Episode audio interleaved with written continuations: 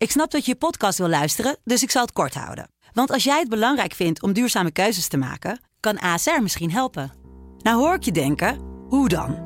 Nou, bijvoorbeeld bij het duurzaam herstellen van schade. Of de premies die we beleggen volgens ons duurzaam beleggingsbeleid. Dat bepaalt waar we wel en juist niet in investeren. Wil je meer weten over welke duurzame keuzes ASR maakt? Ga dan naar asr.nl/slash duurzame keuzes. ASR doet het. Zo, dan kan je nu lekker naar je podcast luisteren. Dit is, dit is het land van Wierduk. Ondanks dat heel veel mensen waarschijnlijk informatie moe zijn inmiddels al over dit conflict. Maar de dreiging wordt alleen maar groter. Een podcast van de Telegraaf met analyses op het nieuws die u elders niet hoort. Wat je veroorzaakt met die druk op de maatschappij. Dat steeds meer mensen erover nadenken om Nederland te verlaten. Zij willen helemaal niet weten wat Donald Trump of Geert Wilders of ik. niet dat op dat niveau staat. Voor wie het nog niet door had, jij bent een zeer vervent twitteraar. Met Wierduk en Robert Ophorst. Daar zit hij hoor. Misselijk van het koekhappen. Oranje uitgeslagen van de oranje bitter. De. Zit is je zolder vol met uh, oude spullen of is hij juist leeg naar de vrijmarkt? ik heb helemaal niks uh, meegekregen gisteren van uh, Koningsdag. En dat was ook wel een beetje een bewuste keuze, omdat ik de uh, massa's het liefst uh, zoveel mogelijk vermijd. En dan is Koningsdag natuurlijk de uitgelezen mogelijkheid om dat in de praktijk te brengen. Dus ik heb het allemaal, ik heb ook heel weinig gezien, moet ik zeggen. Ik zie nu de voorpagina van onze krant. En, uh, je, je, was, je, je was überhaupt niet, je was je überhaupt niet bewust van het feit dat het Koningsdag was. Nou, ik was wel bewust van dat mensen een vrije dag hadden. maar ik laat dat, dat soort gelegenheden het liefst heel ver aan mij voorbij gaan. Hmm, Oké. En uh, we zagen natuurlijk opiniepeilingen over uh, de waardering voor onze uh, vorst. Ja. Is die bij jou uh, gestegen, gedaald, gelijk gebleven het afgelopen jaar? nou, ik vind het een heel mooi gezin. Zoals ik ze op de foto zag en zo met, met de dames. En um, dus volgens mij, en, en dat hij af en toe eens een een, uh, zo'n uitvaal, uithaal heeft, zoals naar Griekenland gaan als dat niet moet, of feestjes bouwen tijdens corona en zo. Ja, dat maakt hem alleen maar uh, meer Hollands, toch? Want Mhm. de Nederlanders die, die zijn niet meer zo, die breken graag uh, de regels. En daar staan ze zich in het buitenland ook al voor. Dat ze zo rebels zijn, weet je wel, en zich niet aan de regels houden en zo. Dat is allemaal typisch Nederlands. Nou, daar geeft de koning een prima voorbeeld tussen. Dus daar moet je ook niet over zeuren dan, vind ik. Oké. Okay. Laten we beginnen. Dealing with migration is also about offering legal pathways for those who can come, live, and work with us orderly and legally. And this is a major shift that we are designing today because for the first time we are shifting from hosting to selecting the skills that we're lacking in Europe. Ja, Nederland en andere EU-landen kampen met gigantische personeelstekorten en toenemende vergrijzing. En tegelijkertijd komen er jaarlijks 150.000 tot 200.000 illegale migranten naar Europa. Mensensmokkelaars verdienen daar miljoenen aan. Het is reden voor Brussel om een plan te lanceren om meer arbeidsmigranten naar Europa te halen. Volgens de Europese Commissie slaan we daarmee twee vliegen in één klap. Door de poorten verder open te zetten halen we meer handjes binnen en ondermijnen we ook het verdienmodel van uh, mensenhandelaren. Een win-win situatie dus. Dat hoorden we hier ook de vicevoorzitter van de Europese Commissie uh, uitleggen. We gaan erover bellen met uh, Jan van der Beek. Hij is wiskundige, cultureel antropoloog, migratiedeskundige. Heeft veel onderzoek gedaan, met name ook naar de kosten van migratie. En we hebben hem aan de lijn hangen voor zijn visie op dit nieuws. Meneer Van der Beek, een win-win situatie noemt de Europese Commissie het, uh, het, het, nieuwe migratieplan. Hoe ziet u dat? Nou, ik heb daar wel grote twijfels bij. Want als je kijkt naar, uh, naar de landen waar uh, men extra arbeidsmigranten vandaan wil halen, dan heeft men het over landen in Noord-Afrika, Sub-Sahara-Afrika en West-Azië, zeg maar even het Midden-Oosten. Ja. Als je kijkt naar de track record van immigranten, arbeidsmigranten die daar vandaan komen. Want dan hebben we het over Marokko, Egypte, Tunesië bijvoorbeeld, lezen we dan. Maar ook uh, Bangladesh en uh, Pakistan en zo. Nou hebben wij voor ons rapport Grensloze Verzorgingsstaat hebben wij uitgerekend wat uh, arbeidsmigranten en gezinsmigranten bijvoorbeeld, wat die netto bijdragen over hun hele levensloop als ze naar Nederland komen. En ja, als je het dan over over arbeidsmigranten hebt uit bijvoorbeeld het Verenigd Koninkrijk, uit uh, West-Europa, dan moet je denken aan vrij grote positieve bedragen van een paar ton positief. Mhm. Maar als je eh, denkt oh, eh, aan ehm, arbeidsmigranten uit bijvoorbeeld West-Azië, dan heb je het over 35.000 euro netto kosten. En Sub-Sahara-Afrika is het 165.000 en Noord-Afrika is het 105.000. Dus dat gaat over vrij grote bedragen die je netto kwijt bent aan eh, arbeidsmigratie. En Ja. dat heeft verschillende oorzaken. In de eerste plaats, eh, mensen, eh, men- er wordt gesproken van circulaire migratie. Hè, daar, eh, daar gaat het dan vaak over. Dus mensen komen en gaan ook weer weg. En dat is heel sterk het geval bijvoorbeeld voor migranten uit Japan of uit de Verenigde Staten. Daar zie je ook echt dat een heel groot deel weer weggaat na verloop van tijd. Moet je echt denken aan, ja, een procent of eh 80, 90 Ja. en na tien jaar. En dat gaat daarna ook nog gewoon voort. In, eh uit Sub-Sahara-Afrika bijvoorbeeld is dat veel minder. Er blijven veel meer mensen. En eh, de mensen die blijven zijn ook eh, vaker uitkeringsafhankelijk. Dat zijn twee belangrijke redenen. Een derde reden is dat het opleidingsniveau over het algemeen niet zo hoog is. En ja, wij pompen in Nederland heel veel geld rond. Van hoger opgeleide naar lager opgeleide onder andere.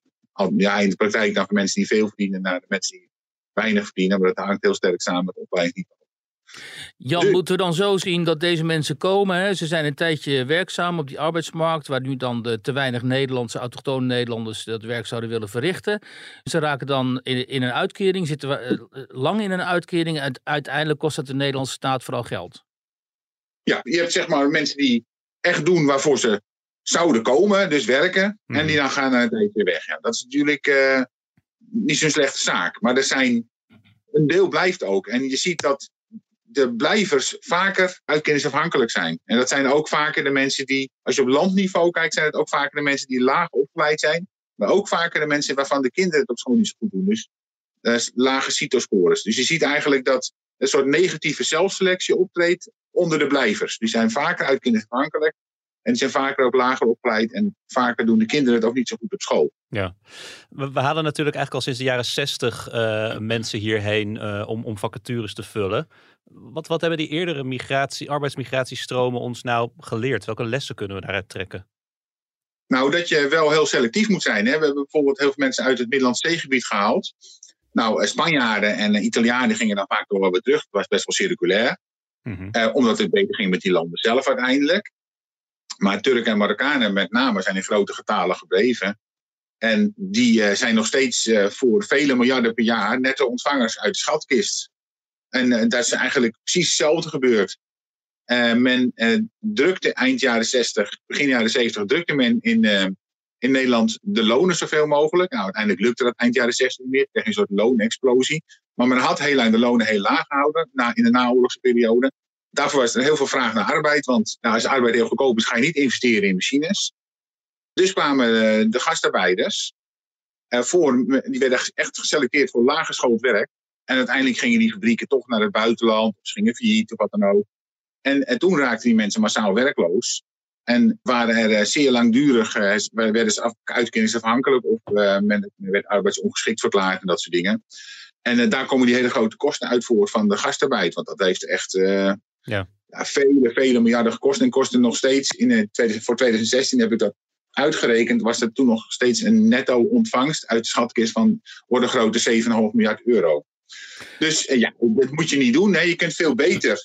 Als je arbeid heel goedkoop gaat maken, dat doen we nu eigenlijk ook. Hè. Ja, dan krijg je ook dat de producenten arbeidsintensief gaan werken. En het is veel betekenen dat er bijvoorbeeld een eh aspergesteekmachine is ontwikkeld, omdat Polen en eh, andere mensen uit Centraal- en eh, Oost-Europa steeds duurder werden en moeilijker te vinden. En de arbeidseisen werden steeds hoger vanuit de overheid. Toen heeft men een aspergesteekmachine uitgevonden. En ik denk dat je die, veel meer die richting op moet van eh, innovatie en zo. Bedoel je daarmee Ja. te zeggen dat, eh, hè, want de, de, de vervolgvraag zou natuurlijk zijn van ja, maar dat zijn allemaal vacatures die moeten opgevuld worden. Maar jij bedoelt te zeggen, die kun je eh, op een slimme manier ook wel opvullen door te automatiseren en dergelijke. Maar het gaat hier om vooral mensen ook in de zorg hè, en geschoolde jongeren Nee. lees ik. Ik neem niet aan dat al die arbeidsplaatsen eh, gemechaniseerd kunnen worden of geautomatiseerd kunnen Nee. worden. Nee, maar dat is tweede, dat klopt. Dat soort diensten moeten gewoon lokaal worden geleverd. Eh, maar dat tweede a- onderdeel van de verhaal wat ik stelde over de gastarbeid was dat, dat men de lonen per se heel laag wilde houden. Eigenlijk vanaf de naoorlogse periode. En daar kun je natuurlijk ook wat aan doen. Ik denk dat heel veel mensen. Er is best wel instroom in de zorg, maar heel, er is ook wel heel veel verloop. Omdat mensen het idee hebben dat ze weinig eh, nou, niet zo goed worden betaald, weinig te zeggen hebben over het arbeidsproces. Hè. De, de staf en de artsen bepalen hoe het werk gedaan moet worden, terwijl zij op de, op de vloer staan en ook uh, allemaal expertise hebben. Dat soort uh, argumenten worden aangevoerd, waardoor mensen uiteindelijk uh, toch weer weggaan uit de zorg. En ik denk als je het, het werk aantrekkelijk maakt en de beloning hoger mm -hmm. en de arbeidsvoorwaarden beter en meer inspraak in het, in het arbeidsproces en zo, dan denk ik dat je ook wel mensen kunt behouden. Ja, dus en ja, vanuit de Europese Unie geredeneerd vind ik het ook niet zo slim. Ik heb net even de cijfers er even bijgepakt van de werkloosheid in Europa. Mm -hmm. Nou, dan zie je bijvoorbeeld Spanje, Griekenland, uh, rond de 15% werkloosheid. Kijk je dan naar de jeugdwerkloosheid ja, in de Griekenland, zit je rond de 30% op dit moment. Hè? Dus ik bedoel. Ja, dus u zegt dan... eigenlijk van waarom halen ze dat arbeidspotentieel niet uit hun werkloze jongeren in plaats van buiten de EU? Ja, nou dat, ja, precies. Dat zou ik dan eerder doen. Alhoewel je daar ook weer op, mee op moet passen. Want er zijn landen zoals uh, Griekenland, waar natuurlijk op een gegeven moment gaat heel veel talent weg. Dat is ook voor zo'n voor zo'n land als Griekenland natuurlijk helemaal niet goed als al jonge mensen weggaan. Ja, klopt. Dan zou je dan toch liever uh, daar de mensen vandaan halen. Als je Europees denkt, zou ik denken. Het plan wordt ook verkocht als uh, mede ook een oplossing uh, voor mensenhandel. Er wordt gezegd van ja, als, als, we, als we het verdienmodel van de, de mensensmokkelaars ondermijnen door meer legale arbeidsmigratie toe te staan, dan, dan lossen we dat probleem ook gelijk op. Er komen 150 tot 200.000 illegale migranten jaarlijks naar, naar de EU, wordt geschat. Is dat een effectieve manier, denkt u?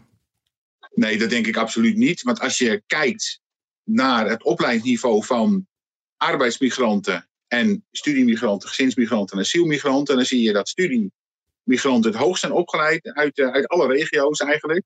Hmm. En uh, daarna komen meestal de arbeidsmigranten. En asielmigranten zijn in alle regio's waar wij voldoende mensen hadden om aan te kunnen rekenen, het laagst opgeleid.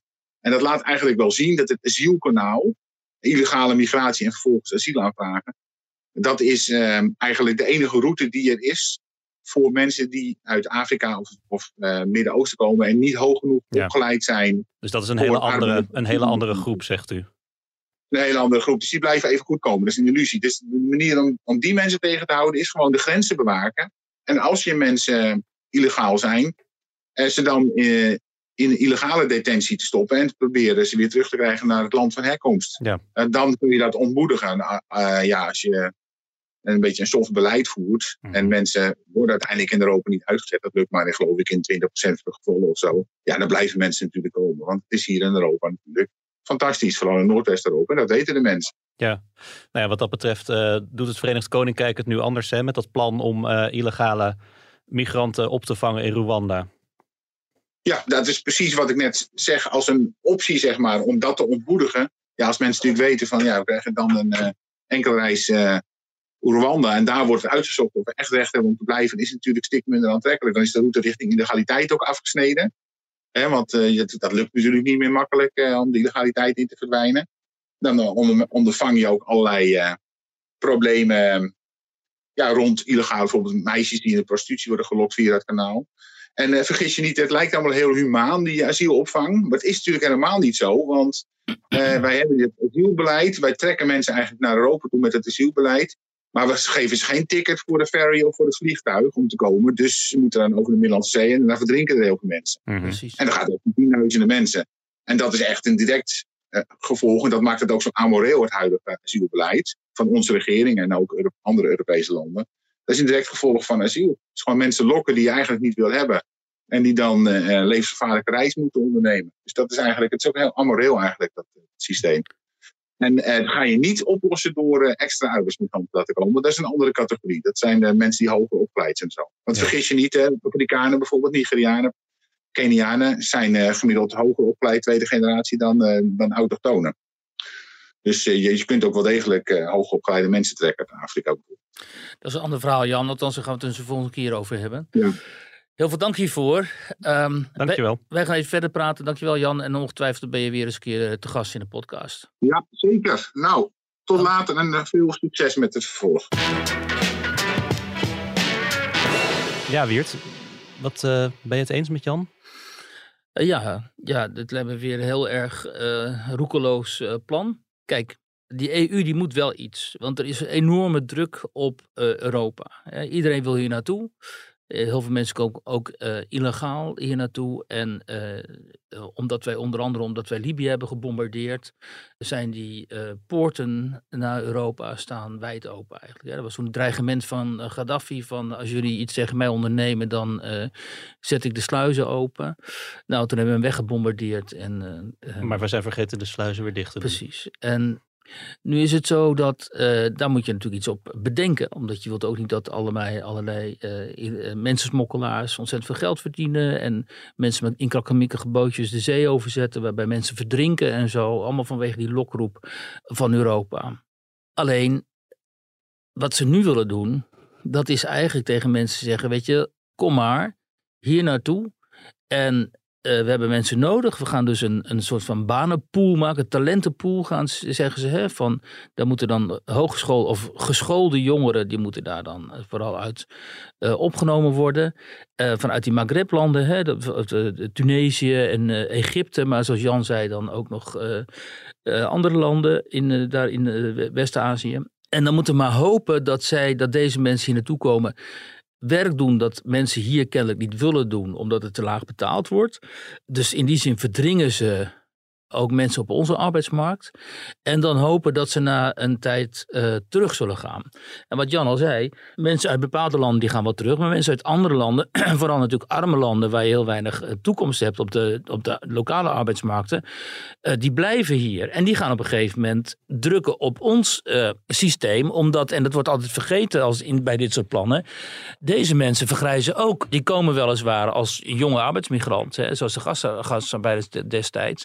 Maar als ze blijven, dan worden ze gewoon ook Ja, want bejaard. En vaak worden ze ook nog eens een keer afgekeurd, hè, omdat ze dan eh, eh, moeilijk of zwaar werk verrichten. Dus dan komen ze in de, in de, in de ziektewet. En wat Jan van der Beek al zei, is, eh, uitgezocht is eh, mensen uit specifieke landen, wat leveren die, die nou precies voor bijdragen dan, in geld uitgedrukt. Nou, dat is dan eh, vaak negatief. dat is altijd een heel gevoelig onderwerp, hè, als je dat gaat uitrekenen of probeert uit te rekenen. Nou, een aantal jaren geleden heerste daar gewoon een taboe op. Hè, ik weet nog goed dat ik meen dat Elsevier dit, dit probeerde. Sivinia heeft het wel eens helemaal, die is ermee begonnen ooit. Die was destijds de redacteur bij Elsevier. En die is toen samen met Van der Beek overigens, dat is alweer jaren geleden, eh, dit soort projecten begonnen. Van te kijken, wat, wat, wat kost het nou? Wat, wat zijn nou eigenlijk de kosten van de immigratie? Nou joh, de hele boel die stond op zijn achterste benen. Van dat kan toch niet? Je kunt toch niet eh, de waarde van mensen in geld uitdrukken en zo. Hè, terwijl dan wordt dus vergeten dat we dat dus altijd doen. Gewoon dat, gebeurt, permanent. dat gebeurt voortdurend, toch? Dat- gebeurt voortdurend. Alleen als het met immigranten of Het is, arbeidsmigranten het, is, het, is, het is ook overigens niet altijd leuk natuurlijk. Dat Nee, nou ja, ik, ik, ik zie niet eens. Waar, ik bedoel, van mij wordt ook, als ik ouder word, dan ga ik ook eh, meer eh, gezondheidspremie, beta- ziektekostenpremie betalen, toch? Er wordt Ja. gewoon ingecalculeerd op deze en deze leeftijd. eh eh, word je gewoon duurder. Je gaat gewoon eh, meer geld kosten voor de gezondheidszorg. Dus, ehm, en of er nou specifiek voor deze groep dan erger zou zijn dan, dan, dan voor anderen, ja, dat, dat waag ik Ja. te betwijfelen. En, maar goed, iedereen stond op, op zijn achterste benen. Maar inmiddels is dat toch wel, hè, vooral van de Beek, maar ook iemand als Jan Latte, die, die, die telkens waarschuwt voor die bevolkingsexplosie. Die hebben toch wel flink op de deur gebonkt, geloof ik. En die hebben het nu toch wel eh intree gekregen, ook bij meer eh, mainstream eh, media, zoals dat dan heet, dan alleen bij Elsevier of hier bij de Telegraaf. Alleen in, in, in, in politiek en beleid heeft het nog helemaal geen gevolgen Nee, want dat is altijd het punt wat Jan Latte maakt. Van, het was tijdens de verkiezingen geen thema. Het is in het regeerakkoord geen thema. De bevolkingsgroei.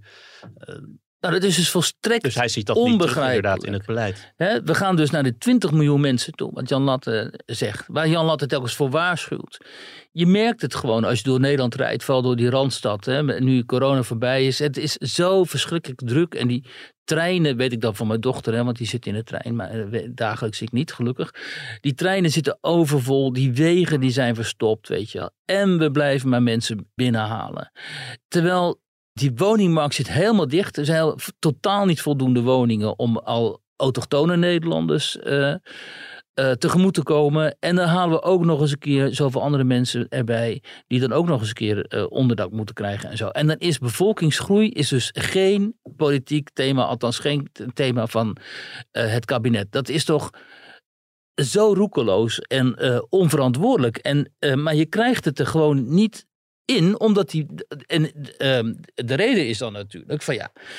We zitten gewoon met Europese afspraken. Binnen die EU heb je aan allerlei afspraken te houden. Onder andere, uh, en, um, en, en je hebt dat, dat Marrakesh-pact en zo. Dus we hebben allemaal afspraken gemaakt over de regulering van die immigratiestromen. En die eigenlijk de kosten gaan, zeg maar, van de autochtone Nederlander. Daar komt het op neer. Nee, dat, dat, van die Europese afspraken, dat, klopt altijd wel. Maar alleen het, het, is ook altijd vaak een gelegenheidsargument, heb ik het idee. Want als, als er geen afspraken zijn dan, en er is een probleem, dan wordt er vaak gezegd, ja, dat moeten we via Brussel regelen. Dat moeten we Europees afspreken, anders heeft het geen zin. En als die afspraken er eenmaal zijn en er is een probleem met die afspraken, dan is het, ja, dat hebben we nou helemaal zo afgesproken. Ja, maar uiteindelijk gaat het natuurlijk gewoon om politieke wil. Ja, dat bedoel ik. Die Britten zijn uit de EU gestapt en die, die zitten nu wel allemaal slimme oplossingen te bedenken. De Denen hebben een opt-out en die brengen gewoon illegale, of die brengen migranten, asielzoekers zijn het dan, hè, naar Rwanda en dat soort dingen kunnen wij natuurlijk allemaal ook doen. We hebben, hebben het wel eh, ook eens hier in de podcast over gehad. Met die meneer die dat plan heeft bedacht. Helemaal heeft uitgerekend hoe, hoe het nou zou kunnen. Hoe het nou zou zijn als Nederland ook uh, asielzoekers eerst onderbracht elders in de regio bijvoorbeeld. En daar hun asielprocedure zou, uh, zou laten doormaken. Nou, dat kan allemaal. Maar de politieke wil ontbreekt natuurlijk. En dat moeten mensen heel goed beseffen. het is niet zo dat het een natuurwet is of zo. Dat de bevolking in Nederland 20 miljoen groeit. Omdat als, als het alleen om geboorte zou gaan van uh, autochtone Nederlanders, dan is het dus helemaal niet het geval. Dat komt voort uit immigratie. En dat is dus een bewuste keuze. En dat overkomt ons niet, dat is gewoon een bewuste keuze. En dat zijn bewuste keuzes die door achtereenvolgende coalities onder aanvoering van de VVD, die altijd zo stoer roept van we zitten vol hè, en bla bla bla en zo. Die onder aanvoering van de VVD zijn gemaakt. Nou, en dat is dus gewoon politiek. Heel simpel. En dit zijn de gevolgen. Ja, en wij, wij, wij koppen daar niet voor niks zo groot mee in de krant vandaag. Migratie naar recordhoogte. Het CBS zegt de bevolking groeit harder dan voorspeld, ook nog eens. Ja, weet je. En, en kijk, en XP, om het maar weer eens persoonlijk te maken hoeveel mensen ik al niet ken die uit Nederland zijn vertrokken. Hè? Maar ook gewoon mensen die ook in de media werk zijn, hè? werkzaam zijn. Iemand als Bert Brussen van de Post Online woont uh, op, uh, op een eiland. Uh, Bart Nijman van Geen Stijl is naar Portugal vertrokken. hoe heet die? Arthur van Amerongen, die zit al in Portugal. En zo ken ik allemaal, hè, ook publicist. En zo ken ik ook allemaal mensen die dan minder hoog profiel hebben. Die ook weg zijn gegaan. Heel veel naar Hongarije ook. Want daar heb je ook heel veel ruimte, kun je goedkoop huizen kopen. En die mensen, en die mensen vergeten ook niet, die kunnen allemaal gewoon werken zijn uh, via internet. Dus je hoeft ook niet per se in Nederland te zitten. Dus wat je veroorzaakt met die druk op de bevolking en die druk op de, op de maatschappij, dat is dat. Uh, steeds meer mensen erover nadenken om Nederland uh, te verlaten, omdat ze het onleefbaar beginnen te vinden. Dat wil je natuurlijk niet. En je wilt er helemaal niet dat hoogopgeleide, dat omdat wij zoveel mensen binnenhalen die dan op, in de lager betaalde uh, beroepsgroepen werkzaam moeten zijn, dat je dan hoogopgeleide Nederlanders uh, wegdrukt uit Nederland. En wat Jan ook zei, zorg er maar eens voor dat die salarissen beter worden dan. Want het is helemaal niet zo dat wij geen uh, mensen zouden hebben die niet kunnen werken. Die zijn er genoeg. Alleen ze willen dat werk niet doen omdat het vaak smerig werk is, omdat je er niet uh, goed in verdient, omdat je zoals in de zorg het risico loopt dat je, zoals tijdens corona, uh, uh, mensen met COVID, oudjes met COVID moet verzorgen zonder dat je beschermd kan worden en zo. Waardoor je gewoon hartstikke ziek kunt worden. Als we al dat soort dingen niet op orde hebben, dan zeggen natuurlijk heel veel mensen, ja nee, daar pas ik voor. Ik, ik wil dat, werk niet doen. Terwijl als je dat werk gewoon fatsoenlijk betaalt en je betaalt al die, al die, al die managers en zo, die we daar hebben zitten, in de, ook in het onderwijs en in de zorg en noem maar op. Al die veel te goed betaalde managers waarvan je echt, van wie je echt helemaal niet weet uh, wat ze dan nou precies moeten, behalve rapporten schrijven en zogenaamd uh, de werkzaamheden structureren en zo. Als je die, die, die laag nou eens eerst gaat, zou uitgooien en je stopt dat geld gewoon in mensen die met, uh, met hun handen uh, fatsoenlijk werk kunnen verrichten, nou dan kom je volgens mij, zeg ik maar eens heel populistisch, al een heel eind. Hè? Dus laten we daar maar eens mee beginnen voordat we allerlei mensen uit eh, Tunesië en Egypte en zo hier naartoe halen. Nou, dan hebben we dit ook meteen weer opgelost. Precies. Elon Musk has bought Twitter for approximately 44 billion. He's going to be paying each share of Twitter $54.20 cents. In a statement released by the company, Mr. Musk said free speech is the bedrock of a functioning democracy, and Twitter is the digital town square where matters vital to the future of humanity are debated. 44 miljard dollar. Zoveel betaalt de ondernemer Elon Musk voor de overname van sociaal medium Twitter. Het, uh, het zorgt voor grote beroering onder de ruim 200 miljoen actieve gebruikers van het platform, maar uh, ook daarbuiten. Musk wil Twitter van de beurs halen en hij is een zelfverklaard voorvechter van de vrijheid van meningsuiting. Een free speech absolutist noemt hij zichzelf. Begrijp jij die paniek, Wiert? De onrust? Uh, nou, ik moet er vooral ontzettend om lachen. En uh, geniet er ook wel een beetje van, moet ik zeggen. Want waar zijn mensen nou bang voor?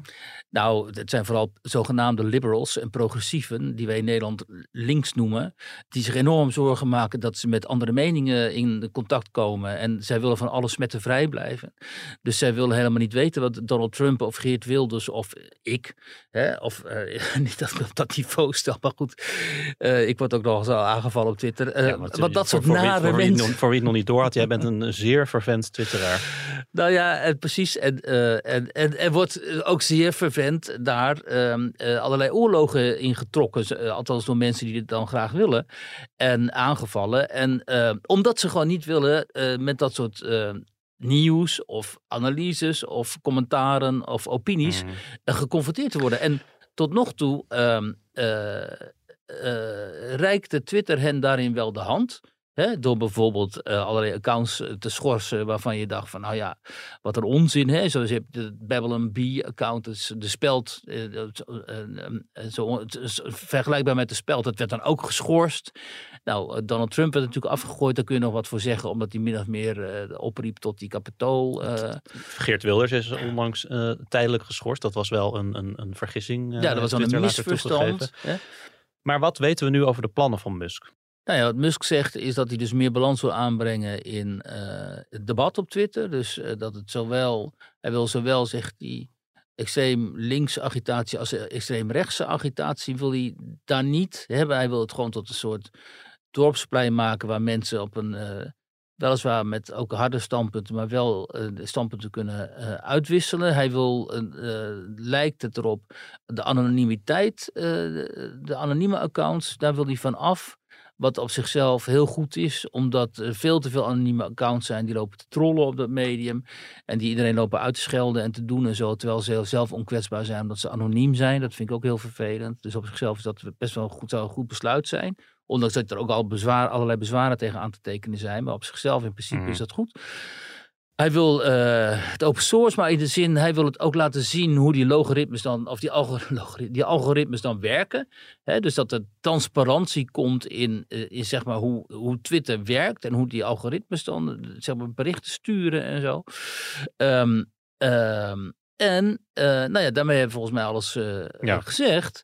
En wat, wat schetst mij dan mijn verbazing? Toen ik hier naartoe reed, toen hoorde ik een uh, meneer van de VVD... die overigens best een goed verhaal had bij Sven Kokkeman... bij 1 op 1, het radioprogramma. Dat ging, die had het hier ook over, want die verdedigde dat besluit van de Europese Unie... of die Europese Unie, die Europese wet nu...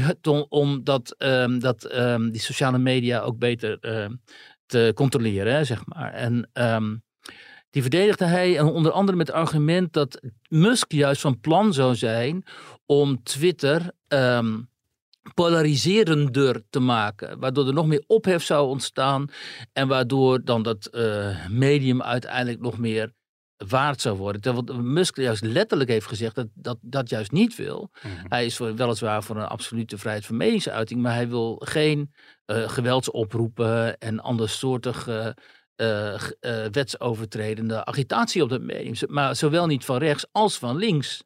Hè? Dus ik snapte niet helemaal waarom dit Kamerlid dat nou um, uh, zo interpreteerde. Want dat klopt volgens mij niet. En ik vind. Um, kijk, heel veel mensen hebben groot bezwaar tegen dat miljardairs dan dit soort media in handen hebben. Nou, ik kan je zeggen. hele rijke mensen hebben sowieso allerlei media in handen al tientallen ik jaren. Ik wou net zeggen, een van de grote aandeelhouders van Twitter nu is een Saoedische prins. Precies. En uh, ik denk dat mensen ook wel eens van Robert Murdoch hebben gehoord. En uh, ook wel weten hoe de Nederlandse mediamarkt in elkaar steekt en zo. Dus uh, het zijn altijd rijke mensen die ja. media ja. in handen hebben. Het gaat erom of zij aan redacties, zoals in ons geval bijvoorbeeld, gewoon de vrijheid laten. Mm -hmm. En um, en het gaat er inderdaad wel, uh, wordt interessant om te zien hoe iemand als Musk zich dan zelf persoonlijk bemoeit met de, de inhoud van uh, wat daar mogelijk is op Twitter. Maar ja, um, Uh, ik vind uh, Elon Musk weliswaar uh, vrij instabiel, want dat is hij gewoon. En ook wel onvoorspelbaar en zo. Maar ik vind hem niet iemand, die, ik zie hem niet als iemand die de vrijheid van meningsuiting mm. bedreigt. Juist niet. Nee, nou ik zei het al, jij bent een vervent twitteraar. Veel van onze luisteraars ook, weet ik. maar vast niet, lang niet iedereen. Wat is nou het belang van dit sociale medium, vind jij? Ik bedoel, als, als, als Twitter achteruit zou gaan, of het zou zelfs verdwijnen, of het wordt minder toegankelijk. Wat maakt dat uit?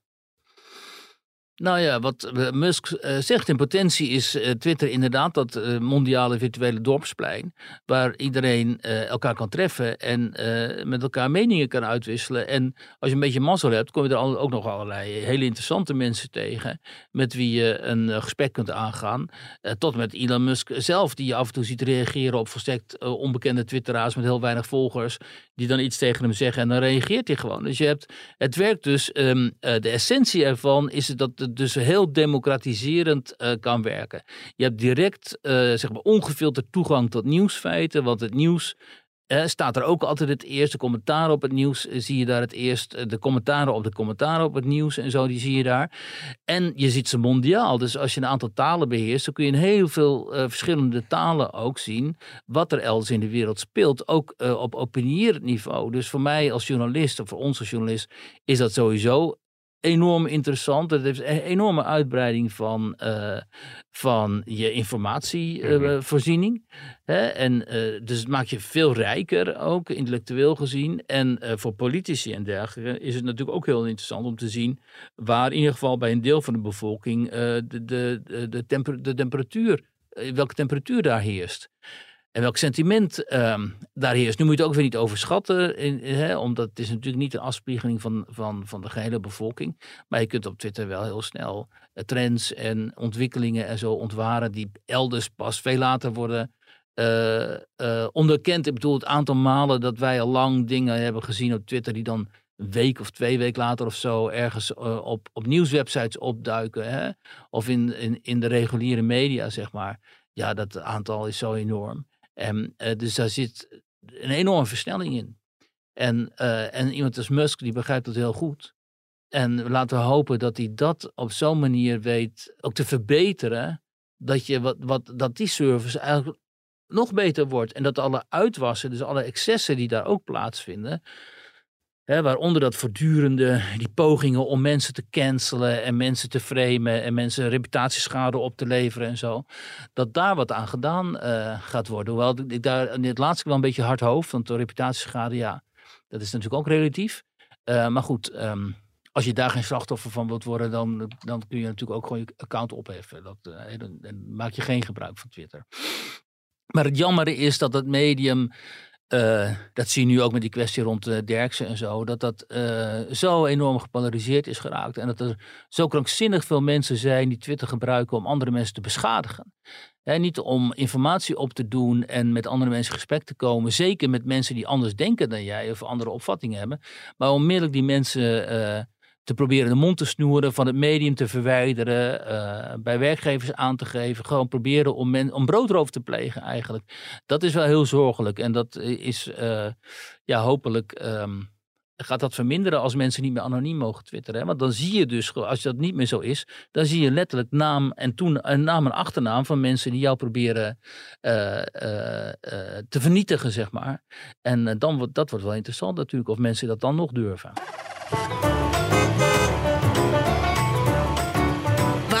Was Wiert. Extreem moe, benauwd, vergeetachtig. Een, uh, een, deel van de mensen die corona hebben gehad, kampen vele maanden later uh, nog altijd met ernstige gezondheidsklachten. Long COVID heet deze aandoening. Uh, long staat dan voor langdurig, langdurige COVID. Annelies Bos, dat is een van die Nederlanders die kampen met long COVID. Jij sprak haar in haar woonplaats Bos en Duin. Bos is, Annelies Bos is 52. En ze werkte voordat ze corona kreeg als gynaecoloog in het UMC. Wanneer werd zij ziek? Nou, heel vroeg uh, uh, in de pandemie. En zoals in die gemeente daar, Zeist, is dat een van de eerste die uh, besmet raakte en ziek werd. Volgens de burgemeester, dat, die heeft haar dat ooit nog verteld. Maar die anekdote heb ik niet in het stuk opgeschreven. En aanvankelijk had ze heel veel klachten, niet eens zo ernstig, maar wel uh, naar. Hè? Dus heel veel spierpijn en hoofdpijn en uh, pijn in de ogen, aan de ogen ook en zo. En toen heeft ze nog geprobeerd om een tijdje om, uh, door te werken, half zo thuis en zo. Dat was nog in de tijd dat je eigenlijk, er waren nog helemaal geen goede testen en zo, dus je wist het allemaal niet zo goed. Um, uh, maar uiteindelijk werd, nam, nam, een aantal van die klachten af, maar andere die werden groter dus, uh, of ernstiger. Dus ze, werd, ze kreeg ademhalingsproblemen, ze werd benauwd en ze werd ook enorm moe. En daar is ze nooit van hersteld. Dus nu al twee jaar, dus eigenlijk alleen maar is het erger geworden. Mm -hmm. Dus nu zit ze dus al twee jaar in een situatie waarin ze uitgeput is. Waardoor ze 16 tot 18 uur per dag gewoon eigenlijk op bed moet liggen. En in het begin was het iets van 20, 22 uur. Hè. Dan kon ze twee uur op zijn en moest ze weer uh, naar bed. En uh, die vermoeidheid. Die... Dus, dus twee jaar nadat ze ziek werd, moet ze nog altijd 16 tot 18 uur per dag rusten. Ja, want ik heb dus deze week ben ik daar geweest bij haar en hebben we dat gesprek gehad, anderhalf uur of twee uur lang of zo. En sindsdien is ze ook weer helemaal uh, gewoon van slag. En toen zei ze ook, ik kan dit wel doen, maar ik weet nu al dat ik minstens een week of twee weken dan helemaal uh, onderuit ga. Moet en, bijkomen. En moet bijkomen. Dus dat is, uh, en heel veel mensen hebben hier last van. Hè? Dat is vooral die, die intense vermoeidheid die lijkt op... Um, wat mensen, jongeren wel hebben als ze de ziekte van Pfeiffer hebben. Die gaan er ook helemaal onderuit. Hè? En meestal duurt het dan een aantal maanden of zo. Mm -hmm. Heeft zij ook gehad toen, toen ze 16 was. Is een jaar lang echt doodziek geweest van die ziekte van Pfeiffer. Wat, uh, en ze is nu bang eigenlijk, of ze vermoedt als medisch specialist dat uh, dat coronavirus, uh, dat Epstein-Barr-virus, wat je bij je blijft dragen, hè, wat de verwekker is van Pfeiffer, dat dat gereanimeerd is. Omdat ze zeggen, ik voel precies dezelfde vermoeidheid als destijds. En maar wat er nu ook bij komt, is dat het haar cognitieve functies, zoals het heet, ook heeft aangetast. Dat betekent dat ze dus gewoon niet goed zich kan concentreren. Dat het hele, zoals zij zelf zegt, in haar hoofd is het de hele dag uh, alsof er drie discolampen staan ja. te tetteren. Mm -hmm. Dus ze wordt stapel gek van. Ja, want wat kan zij dan tijdens die zes uur dat ze actief kan zijn op zo'n dag, wat, wat kan ze dan doen? Uh, nou, bijna niets. Dan, uh, dan kan ze zo'n gesprek voeren als met mij.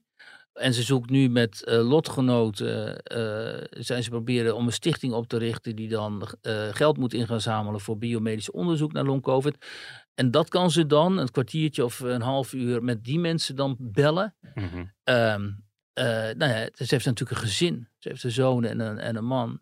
en daar kan ze dan tijd mee doorbrengen en zo. Maar ja, ze zegt bijvoorbeeld als ze een krantenartikel ziet, dan kan ze de kop lezen, maar het artikel niet. En ze kan één, één mail versturen per dag. Um, dus um, ze zegt ook, de meeste dagen is eigenlijk voor mij gewoon puur lijden eigenlijk. Hè. Dus ik zat, me daar, ik zat daar met aan te praten. Ik dacht, al twee jaar, weet je, en je weet niet waar het naartoe gaat. Want kijk, van de meeste ziektes weet je wel van, nou ja, dat gaat ongeveer zo lang duren. Ja. En daarna kom ik er weer bovenop. Alleen deze, van deze ziekte, uh, long covid, is nog zoveel onbekend dat je niet weet nee. of je überhaupt uh, beter wordt. Of misschien wel slechter. En nu zit ze inmiddels in een ontslagtraject. Moet je je voorstellen. Hè? Ze was dus op het hoogtepunt van haar loopbaan in het UMC in Utrecht. Dus artswetenschapper. Hè? Uh, een gekend iemand ook in die wereld, weet je wel. Um, enorm succesvol in haar werk. Sociaal, groot netwerk. Een mooi gezin, mooi huis. Uh, een heel mooi leven dus. En een, een, en een zinvol, betekenisvol leven ook. En boem, dat gaat in één keer helemaal onderuit. En twee jaar later zit ze in een ontslagtraject. En komt ze zometeen in de via terecht. En, als die, en die via, dat duurt uh, twee jaar of zo, geloof ik. En daarna kon je dus gewoon in de WW terecht. Hè? Mm. Um, dus dat moet je er ook nog eens een keer bijdragen. Dus niet alleen ben je fysiek dus helemaal kapot aan het gaan. Maar ook geestelijk moet je dus voorbereiden op een uh, uh, leven als werkloze misschien wel. Nou ja, dat is natuurlijk voor mij, uh, dat is natuurlijk voor iedereen ontzettend moeilijk voor te stellen. En um, dus voor mij ook. En hoe zwaar dat is. En dan ben ik dus wel heel erg onder de indruk van dat ze toch positief blijven. Zeggen ze ook al, je moet positief blijven, anders ga je ten onder. En ik moet hoop houden dat ik gewoon toch over een jaar of twee jaar of zo weer aan het werk kan. Desnoods deels. Maar uh, dat is mijn vooruitzicht dat ik op een gegeven moment toch wel weer uh, ga werken. Um, maar wat ze nu wil, heeft ze samen met een vriendin. Die zich haar lot heel erg heeft aangetrokken. Dat is een van haar beste vriendinnen. En die heeft ook zoiets van, wat, wat is er in godsnaam met Annelies aan de hand? En weet je wat, dat zei ze wel heel mooi. Weet je wat, we gaan samen proberen om die stichting dan op te zetten. En geld op te halen voor biomedisch onderzoek. En dan zorgen, je hebt geen energie, maar dan zorg ik wel voor de energie. Dan ben ik wel de energie. Dus lever jij de input en ook het voorbeeld. Hè, als long-covid patiënt en uit de medische wereld. Dat is natuurlijk ook wel een aansprekend voorbeeld. En dan zorg ik wel voor de energie en voor het management. En ik ga de hele boel wel opzetten samen met anderen. En dan hopelijk komt hier toch iets positiefs uit. Namelijk dat er, omdat het onderzoek, dat moet ik nog wel even zeggen, tot nog toe, dat, uh, baseert, dat is vooral vragenlijstonderzoek. Dus de mensen die dit hebben, die krijgen dan een vragenlijst van hoe voel je en wanneer voel je je zus en wanneer voel je zo. In Nederland doet het RIVM sinds vorig jaar mei, meen ik, onderzoek naar long-covid. Het, het is natuurlijk allemaal nog heel recent dat we weten dat dit bestaat. Ja. En eigenlijk weten we bijna niets erover. Nee, dat is natuurlijk ook een probleem. Uh, het heeft iets van 200 verschillende symptomen. En ik denk afhankelijk van waar het virus je raakt, uh, heb je die symptomen. Dus het hangt er nogal van af of je longen zijn aangetast, of je hersenen of andere organen, weet je wel. Dus daar heeft het ook mee te maken. Dus het is een enorm diffuse ziekte, mm -hmm. die heel veel uh, overeenkomsten vertoont met het chronische vermoeidheidssyndroom. He, dus dit is eigenlijk het post-COVID-syndroom. En ook het chronische vermoeidheidssyndroom, daarvan is, um, voor zover ik weet, heel weinig bekend. En vaak wordt van die mensen gezegd van ja, uh, is het ook niet psychisch? Ja. En nu heeft zij hier gelukkig nooit mee te maken gehad, zei ze. Ze is altijd serieus genomen en haar ziekte is altijd herkend. Maar ja, als dat langer duurt, dan kun je er donder op gaan zeggen dat mensen zeggen van ja, weet je wel, maar, hè, waarom jij wel en anderen niet en zo. Alleen we moeten de omvang van het probleem begrijpen, want uh, naar schatting zijn er honderdduizend mensen nu die hier last van hebben. En het zijn niet alleen maar oudere mensen. De Volkskrant had ook zo'n verhaal met uh, twee artsen die zij dan ook uh, kent of met wie ze contact heeft gezocht. Ja, dat zijn mid-dertigers. En die zijn helemaal van slag ook. Dus, hè, en die staan dus nog aan de vooravond van hun loopbaan. Een, die ene jongen die zou radioloog worden en zo. En die loopt nu ook het risico gewoon dat hij werkloos wordt. Omdat hij die opleiding niet uh, kan afmaken. Die kan helemaal niks. Als hij gaat staan, dan, uh, dan valt hij ongeveer flauw van duizeligheid. Dus je kan alleen maar een beetje achterover zitten. Nou ja, dit is natuurlijk zo'n ernstig probleem. En ze hebben, uh, haar vriendin Ellen, die heeft ook, die denkt wat, zeg maar, zakelijk. Want die, die, is ook gewoon manager en die heeft eigen bedrijf en zo. En die zegt ook van ja, um, dit gaat zo'n aanslag worden ook op de samenleving. Omdat dit gaat gewoon heel veel geld kosten. De 100.000 mensen is al veel, maar uh, COVID is natuurlijk niet weg. En dus het zullen er meer worden. Um, en uh, hoe moet je als samenleving uh, daarop inspelen? Weet je? In ieder geval moeten we erop inspelen en moeten ervoor zorgen dat er behandelingen komen en uh, medicijnen waarmee dit syndroom kan worden bestreden. En daarvoor moet er dus andere, want daar had je het over, daarvoor moet er dus ander onderzoek worden geïnitieerd dan vragenlijstonderzoek. Daarvoor moet er echt biomedisch onderzoek komen. Mm -hmm. Wat dat echt tot in fundamenteel onderzoekt. Wat is er nou in die lichamen aan de hand?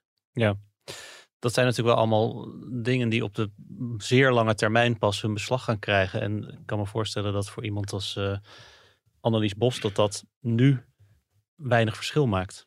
Ja, de, absoluut. Maar ik denk ook dat omdat ze wetenschapper is en medicus, dat het voor haar wel hoopgevend zal zijn als die stichting dan van de grond komt en dat onderzoek komt er.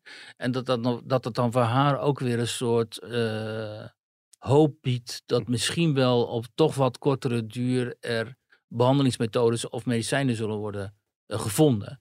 Dus uh, als er helemaal niks gebeurt, of het blijft alleen maar bij vragen van hoe voel je je en uh, wanneer voel je je zus en zo, ja, dan heb je natuurlijk helemaal geen hoop. Hè, dat biedt helemaal geen hoop of houvast. Dus dan is het beter als je weet van out there wordt in ieder geval fundamenteel wetenschappelijk onderzoek verricht naar, ja.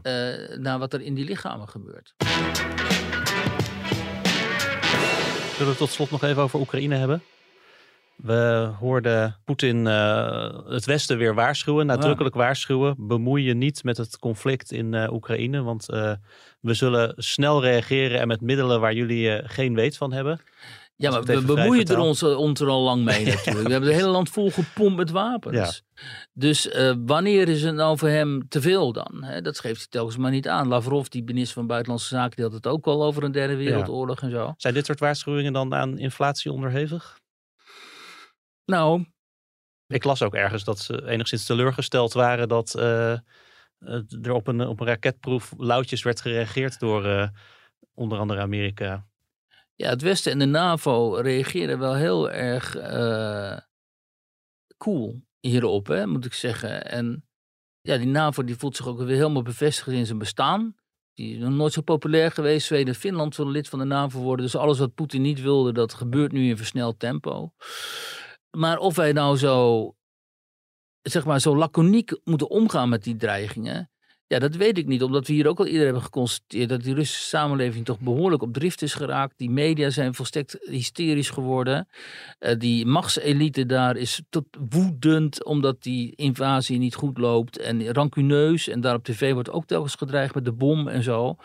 En het is volstrekt not done dat uh, politici op niveau van Poetin en Lavrov dreigen met een derde wereldoorlog en met kernwapens. En als je dan maar zo laconiek blijft reageren en wapens blijft sturen, omdat we denken, hè, want dat is nu de strategie van het Westen, van de NAVO, dat we Poetin zodanig kunnen verzwakken nu via de Oekraïners, dat uh, Rusland nooit meer een van zijn buurlanden zal uh, kunnen aanvallen. Dat is het doel nu. Ik vind dat je dan wel met vuur speelt. En bovendien, ehm, er is dus geen enkele, op geen enkele manier wordt er gepoogd nog ook door het Westen om te deescaleren daar. er is geen enkele exit uh, voor Poetin opgebouwd. Het gaat nu alleen nog maar om, wij geven de Oekraïners zoveel wapens en nu ook zware wapens en eventueel jachtvliegtuigen en zo. Zodat ze, ik meen dat de Britten dat uh, willen, hè? maar goed, dat las ik vandaag. Dus daarmee, daarmee gaan we in een steeds hoger conflictniveau, zoals het heet, terechtkomen. Ja, en dan kan het natuurlijk heel goed zijn dat Poetin op een gegeven moment tactisch kernwapen inzet in Oekraïne bijvoorbeeld. En hoe moeten we daar dan weer op gaan reageren? Want ja, weliswaar is Oekraïne geen NAVO-lid, dus we zijn niet verplicht om dan in te grijpen. Maar ja, een mhm. tactisch kernwapen, daarmee ga je zoveel grenzen over, als uh, Rusland dat zou doen, dat we dan daar weer op gaan reageren natuurlijk met escalatie. Dus um, om te eindigen, ondanks dat heel veel mensen waarschijnlijk informatie moe zijn inmiddels al over dit conflict. Hè? En de eerste, zeg maar, de eerste angst en nieuwsgierigheid en opwinding en alles wat, je daarbij, wat daarbij hoort, is bij de meeste mensen natuurlijk nu weg. We winden ons nu weer op over al meer alledaagse dingen. Maar de dreiging uh, wordt alleen maar groter. En die combinatie vind, is ook heel erg uh, risicovol, ja. uh, vind ik. Nou, werd er eerder ook al gezegd, hè, 9 mei, dan herdenkt Rusland elk jaar de overwinning op Nazi-Duitsland. Dat zou een dag zijn dat Poetin thuis moet komen met concrete resultaten. Als hij tijdens die 9 mei, tijdens die militaire parade, niet aan zijn eigen bevolking een resultaat kan laten zien, dan. Uh, ja, dan staat hij eigenlijk in zijn hemd. Hoe, hoe ja, maar dat kan hij al. Hij kan al een parade organiseren. Er is al sprake van dat hij een parade gaat organiseren in uh, Mariupol dus dan ga je dan gewoon die legereenheden, die trekken dan door die verwoeste stad eh, met de vlag. En dan laten ze zien, kijk eens, uh, Mariupol was het Stalingrad van deze oorlog. En wij hebben dat uh, veroverd. Mm En wij hebben de bevrijding gebracht. Ik las al dat ze daar zelfs met de Sovjetvlag rondliepen. Dus zo van, de Sovjetvlag is het symbool, Russisch symbool van de overwinning op het, op het nazisme van Hitler. En nu hijsen ze die Mariupol als soort gebaar naar en een soort, uh, zeg maar, in, in, een soort symboliek van, kijk, wat, wat toen gebeurde, gebeurt nu weer. En dat kunnen ze zo framen en op zo'n manier uh, vormgeven. Ze kunnen zelfs uh, Poetin even laten invliegen, bij wijze van spreken. Nou, maar goed, stel je voor. En dan kan hij dat op de, in Rusland claimen als een enorm symbolisch belangrijke overwinning. Ja. Dus, um, dus jij, ziet dat, niet, jij ziet dat niet als een datum van betekenis of zelfs een einddatum van deze oorlog?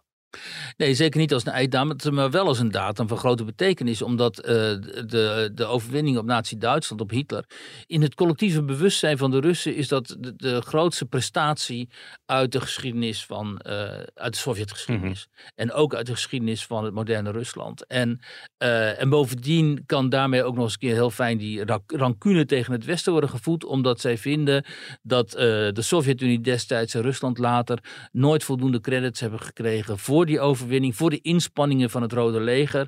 Omdat wij hier altijd doen alsof de Amerikanen en de Polen enzovoort en de Canadezen en, zo ons de Britten ons bevrijd hebben.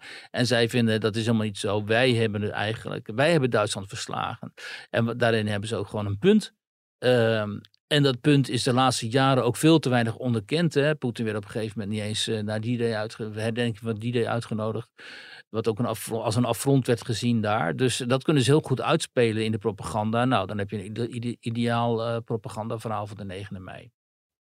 En hè, daarna, dat ben ik nog vergeten, maar uh, een propagandaverhaal waarin de Oekraïnse strijdkrachten en Azov, dat zijn basis had daar in Mariupol, dat regiment, uh, bij uitstek worden uh, geschilderd als nationaalsocialisten, dus als nazi-eenheden, die ze weer hebben verslagen voor een tweede keer. Nou, dat scenario kun je zo uitschrijven. Mm -hmm. Wiert, ik dank jou hartelijk weer dank voor deze week. En ik zie je snel weer. En de luisteraars bedankt.